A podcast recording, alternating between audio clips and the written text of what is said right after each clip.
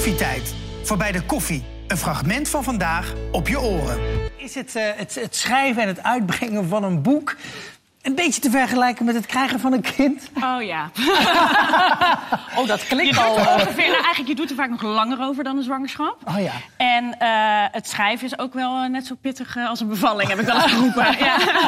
Was het voor jou ook een, een beetje een bevalling? Want jullie willen Ik natuurlijk heb, ook los... eh, ik heb hem iets sneller geschreven. Jij hebt hem echt op je, op je notities in je telefoon heb jij hem Ja, zo ben ik begonnen, over een ja. proces van drie jaar. Ja. Ik had... Hey, sorry, wacht even. Je hebt, het, je hebt het hele boek eh, op je telefoon geschreven? ja, omdat ik elke keer, dan maakte ik natuurlijk... eh, voor de eerste keer toen ik moeder werd, maakte ik dingen mee. En toen dacht ik, nou, waarom heeft niemand mij dit verteld? En dan ging ik meteen, maakte ik daar notities ah, heel van. goed, anders vergeet je Ja, niet. ja, ja. sorry. Nachts om Ja. één uur en denk ik, Ja. ben je nog wakker? Ze, zat ze te typen.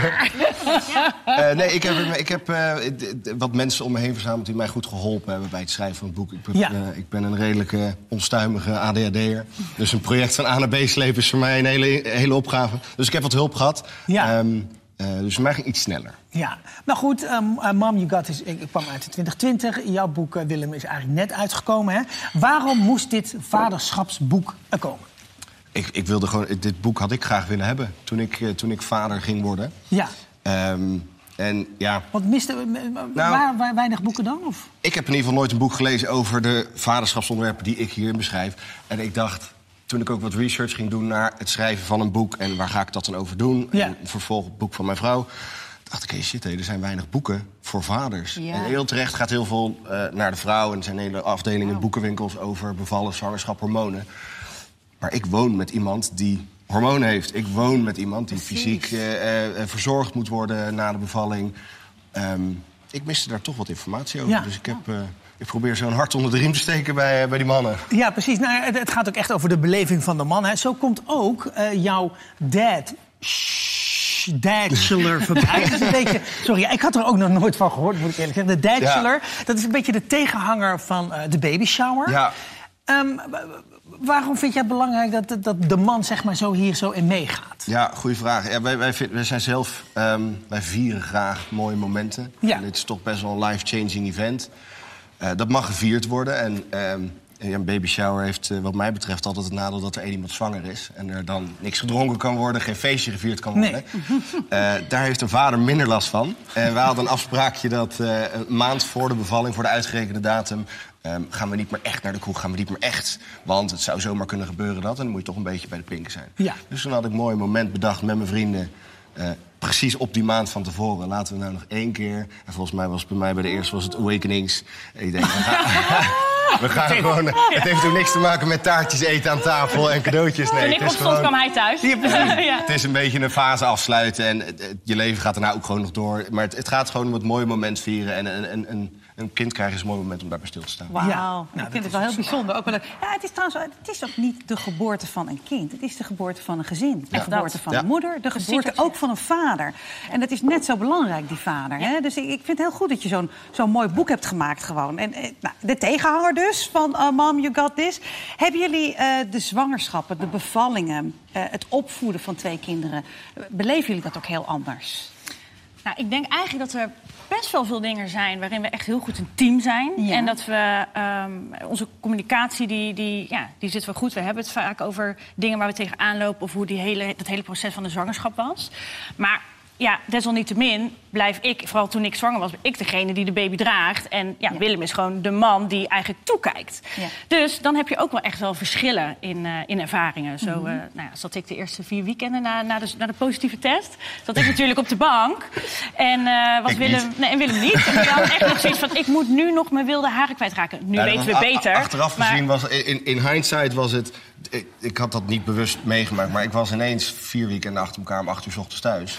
En het vijfde weekend zei Rachel toch wel op de app. Ik, ik stuurde ook schat, eh, wacht maar niet, het wordt weer een latertje.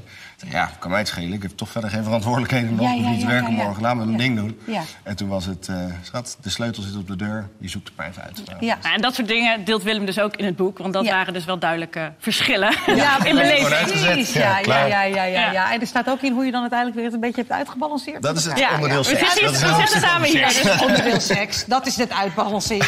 Huppakee. Ja hoor, tuurlijk.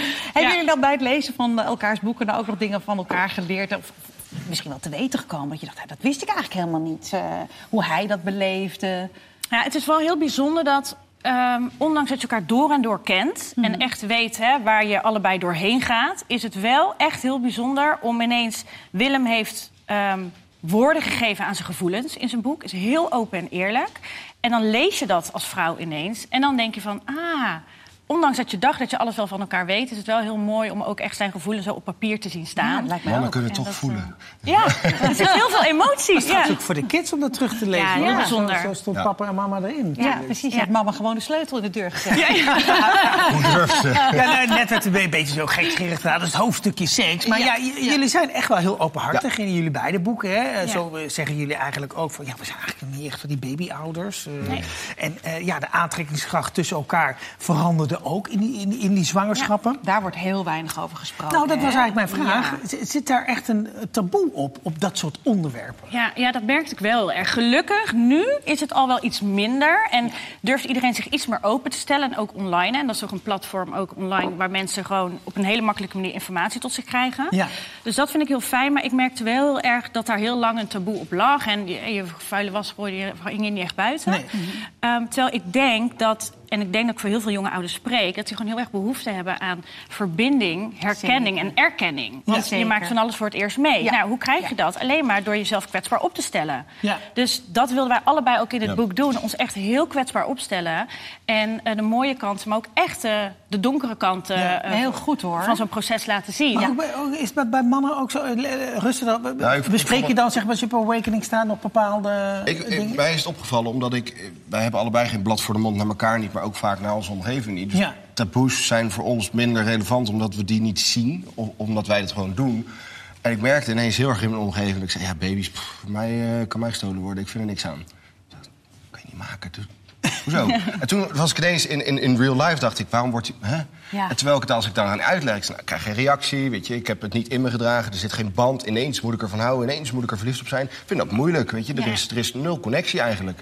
En toen, zeiden, toen kreeg ik om me heen van, oh ja, ja, ja ik had eigenlijk ook niet zoveel met baby's. Maar ik, eh, ik niet, dat- eh, ik dacht ik, ja, dat hé, dat- wat, wat is dit? En dan hoop ik dat, dat door daarover te schrijven en daarover te praten, dat andere mensen denken, jezus, hè, ik mag daar gewoon over praten. Ik vind dat fijn om te zeggen. Ja. Want het geeft jezelf ook een, een stukje gerust. Ja. Ah, ja, En dat de ja. andere mensen zijn denken, oh ja, vind je baby ook niet leuk? Oh, nou. Nee, maar het is wel heel goed. Ik vind het wat dat betreft wel ook een veel leukere tijd dan dit. Want eh, je kan gewoon dingen bespreekbaar maken. Ik weet nog dat toen ik de eerste kreeg ook. Het was echt, een, ja, het was echt gewoon heel ingewikkeld. Uh, er moest rollercoaster. zoveel huilen. Bleek Ja. uiteindelijk ook een huilbaby te zijn. Ja, Ja, ja. en iedereen had het alleen maar over de leuke roze wolk. En hoe geweldig. Ja. Je durfde, ik durfde toen ook eigenlijk niks te zeggen. En vooral dat Nee. je dankbaar moet zijn. En dat moet je natuurlijk ja, en dat zijn, ben je ook. heel- en dat ben je ook, maar je weet je geen raad. Maar er zit ook nog, je mag daarin ook binnen die dankbaarheid ook andere emoties voelen. Ja. Die mogen uitgesproken worden. Nou, dat mogen is het. Ja. Ja, Ja. zeker. Wat, wat zijn jullie nou jullie belangrijkste tips voor, eh, voor jonge ouders? Voor beide. Be kind. Ja, dat is een hele mooie. Nou, ehm, eh, wij voeden vrij, best vrij op eh, met bepaalde kaders. En eigenlijk is de nummer één tip praten. Over alle onderwerpen die in het boek staan, maar praten over. Zeg voor- zonder dat je invult voor een ander wat iemand daarvan vindt. We noemen dat Nivea, niet invullen voor een ander. Ik ga maar niet nu over mijn emotie praten, want ze heeft het al zo druk. Dan vul je voor de ander in. Ja. Oh, ze gaat waarschijnlijk niet ontvangen. Nee, als jij je niet lekker voelt, zeg je... Goh, ik heb echt een K-dag gehad. Ik moet dit even, ik moet het even kwijt. Ja. En dan staan de ander wat hij daarmee doet. Ook over seks. Dit vind ik fijn, dit zijn mijn grenzen. Praat erover. Ja. Super cliché, maar ja. Nou, ik vind het helemaal niet zo cliché. Ik vind het heel eh, moedig. Want eh, weet je wel, het, het klinkt allemaal heel logisch. Maar het gaat om het ook te durven doen. Ja. Ja. Want hoe vaak is het wel niet dat je denkt in je relatie van... nou, ik zal maar even niet. Of eh, ook de kinderen, hè, als ze mij ook heel druk zien... dat ze denken, nou, doe maar even niet, want mama is heel druk. Ja. En dat is heel lief bedoeld, maar eh, het is beter om het open te breken. Ja, ik denk ook Absoluut. echt dat het krijgen van kinderen uiteindelijk ook gaat over het opvoeden van jezelf. Ja, zeker. Want als je zelf sterk in je schoenen staat en je, en je zit lekker in je vel, dan gaat de rest ook meer in flow. Heeft het ouderschap jullie veranderd? Ja, tuurlijk. Op welke manier? Nou, eigenlijk, jij zegt ja, tuurlijk, maar Ja. Praktisch niet zo niet heel zo erg. heel Nee. erg. Ik denk dat het echt een onwijze verrijking is van ons leven, maar niet een vervanging voor het leven wat we hadden. En dat, dat wilden En we heel graag. actief, actief besloten met Ja. elkaar. Want we gaan dit niet. We blijven reizen, we blijven feesten, we blijven Ja. leuke dingen doen. Ja. We gaan ons niet nu beperken omdat er ineens toevallig kinderen bij zijn. Nee. Maar het heeft wel, ik, het, het- voor mij heeft het wel een, een stukje zingeving. Dat klinkt altijd een beetje Ja. zweverig. Maar ik vind het echt een, een, een levensdoel om, va- om een leuke vader te zijn. En eigenlijk alles in. het- ik probeer mijn werk zo te delen dat ik zoveel mogelijk vrijheid heb om met mijn kinderen leuke dingen te doen. Ja. ik, ik, ik werk Maar dat wil je waarschijnlijk ook doen omdat je zelf ook Ja. gewoon nog leuke dingen kan doen. Ook los van de kinderen. zelf ook nog een beetje een Het kan allemaal naast elkaar. Ja, precies. Ja, het ene sluit het andere dan Nee, ook dat. niet uit. Ja. Beluister ook onze andere podcast met iedere zaterdag om 10 uur de Week van Koffietijd.